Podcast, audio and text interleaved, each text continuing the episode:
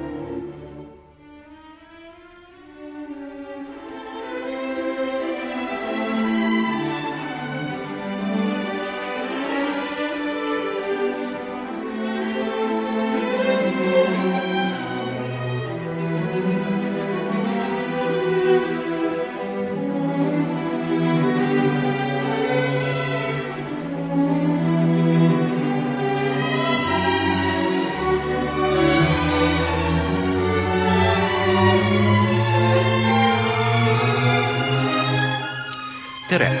stuudios on Igor Karšnek ning kuna aastanumber on kalendris uus, siis võiks öelda nagu tuntud kõnekäändus, et uuel aastal uue hooga alustame vana looga.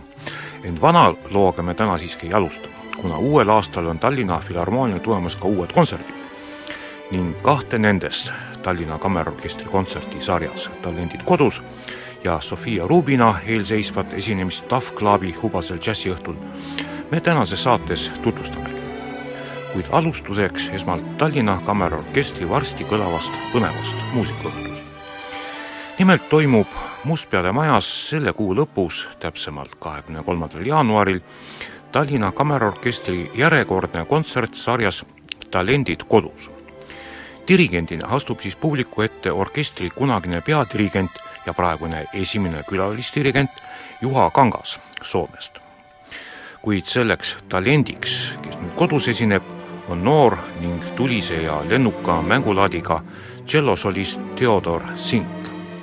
olgu kohe reklaamiks ka öeldud, et Theodor Sink on üks neid väheseid Eesti muusikuid, keda on solistina kutsutud esinema Amsterdami kuulsa kontsertgebau lavale. muuseas, Theodor Sink on Kuldar Singi tuntud helilöö poeg kõnealuse kontserdi kava on päris mitmes mõttes põnev, kuulda saab siis Karl Philippe Panuel Bachi kõlalist virtuoossust nõudvat tšellokontserti, aga ka Tšehhi helilooja Josef Suki romantilist serenaadi keelpillidele ja kahte muusikalist eleegiat, millest ühe autoriks on Soome helilooja Levi Madetoja ning teise on kirjutanud meie oma muusikaklassik Villem Kapp kui ma ennist ütlesin, et selle Tallinna Kammerorkestri eelseisva kontserdi kava on põnev, siis ma pidasin silmas eeskätt seda tõsiasja, et kuulda saab niisugust muusikat, mida meil just ülearu tihti paraku ei esitata.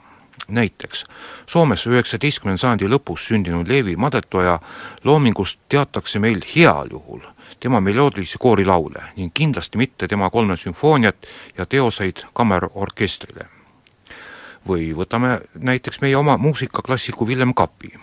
iga muusikasõber võib nüüd ise meenutada, millal ta viimati Villem Kapi muusikat elavas esitluses üldse kuulis. ja ma usun, et ta võib meenutama jäädagi. vaatamata sellele, et Villem Kapp on peale oma kuulsa kooripoeemi Põhjarannik kirjutanud ka palju teisi huvitavaid heliteoseid omaette lugu on aga Carl Philipp Emanuel Bachiga, kelle tšellokontserti saab nüüd Theodor Singi esituses Mustpeade majas peatselt kuulata nagu muusikaloost teada, oli Johann Sebastian Bachil hästi palju lapsi. kui ma ei eksi, siis kuskil umbes kahe, kahekümne ringis kindlasti. aga vaid tema kolmest pojast said isa eeskujul heliloojad. ja Carl Philippe Emmanuel on nendest tänaseni kõige tuntum ja maailmas enim esitatud helilooja aga mitte kõik ei pruugi teada seda, et kaheksateistkümnenda sajandi keskpaigas oli Carl Philipp Emanuel Bach isegi kuulsam kui tema isa Johann Sebastian. räägitakse, et noor Bach nimetanud Johann Sebastian Bachi nöökavalt vanaks parukaks ja pidanud tema muusikat samas lootusetult vanamoodsaks.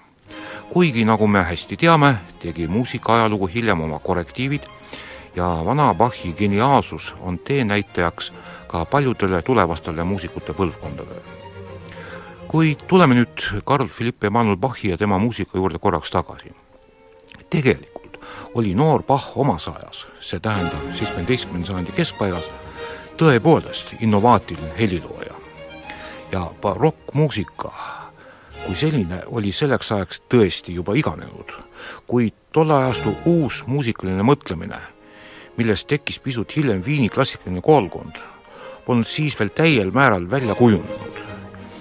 Need Carl Philipp Emanuel Bach natukene kasutas veel eh, vana barokiajastu eh, teatud väljendusvõtteid ja aga ta ei leidnud seda konteksti eh, veenvalt, kuhu seda paigutada ja, ja nii jäi Carl Philipp Emanuel Bach oma muusikaga nagu kahe stiili vahele, nii-öelda ei kellegi maale ning kui esile kerkisid niisugused heliloojad nagu Joseph Haydn ja Wolfgang Amadeus Mozart, siis muutus Carl Philipp Emanuel Bach juba ise kurioossel kombel nii-öelda vanaks parukaks.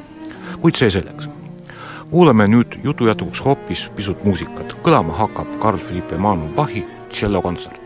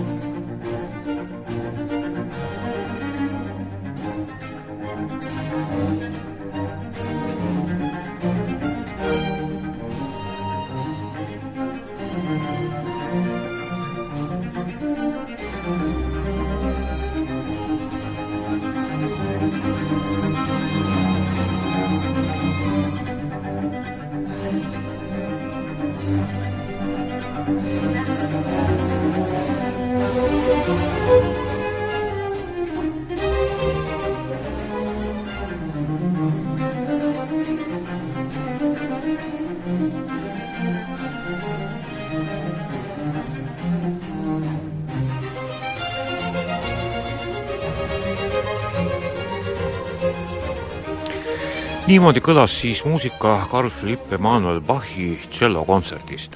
ent läheme oma jutujärjega nüüd edasi, kuna veel üks Tallinna Filharmoonia eelolev muusikasündmus vajab põgusat tutvustamist. nimelt toimub juba kahekümne esimesel jaanuaril Mustpeade Maja keldrisaalis järjekordne džässi- ja kirjanduse klubi Tough Club muusikaõhtu, kus seekord astub publiku ette oma kaasahaarava muusikaga särav Sofia Rubino koos oma kvintetiga. ja kirjanduse poole pealt saab taas kohtuda sõnava, sõnaosava ja teravakeelse noorluuletaja Wimbergiga. olgu öeldud, et sellel Tough Clubi muusikaõhtul saab näha ja kuulda nii mõndagi uut ja huvitavat, sest üsna hiljuti ilmus Sofia Rubinal uus ja juba palju kiidetud džässiplaat In the land of Boo Blah Dee ning põhiosa kõnealusest kontserdikavast pärinebki just tollelt plaadilt. kuid mitte ainult. kuulda saab ka palju muud, mille kohta Sofia Rubina on öelnud ise nii, tsiteerin. olulise osa minu show'st moodustab improvisatsioon. tahaksin olla laval väga mänguline ning alati üllatada publikut. tsitaadi lõpp omalt poolt tahaksin lisada, et Sofia Rubinal on tõepoolest võime publikat alati millegagi heas mõttes üllatada. ja mitte ainult meil, vaid ka näiteks Ameerika Ühendriikides ja mujal Euroopas, kuhu ta esinema satub. aga meie saateaeg hakkab nüüd paraku otsa tiksuma, tuletan siis veel kord meelde, et Tallinna Kammerorkestri kontsertsarjas Talendid kodus kõlab Juha Kangase dirigeerimisel Mustpeade majas koos tšellosolist Theodor Singiga juba kahekümne kolmandal jaanuaril. ning kahekümne esimesel jaanuaril esineb sealsamas Tough Clubi kirjanduse ja džässiõhtul särav Sofia Rubina oma kvintetiga. aga vaadake ise täpsemalt järele Tallinna Filharmoonia kodulehelt www.filharmoonia.ee stuudios oli Igor Kašnek ja meie saadet jääb lõpetama Sofia Rubina musitseerimine.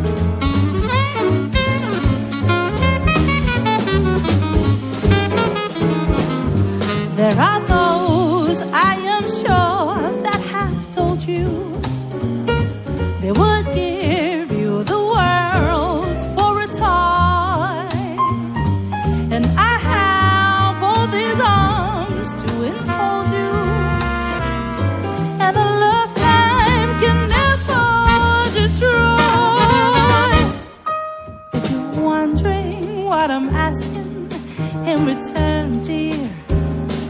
You'll be glad to know that my demands are small.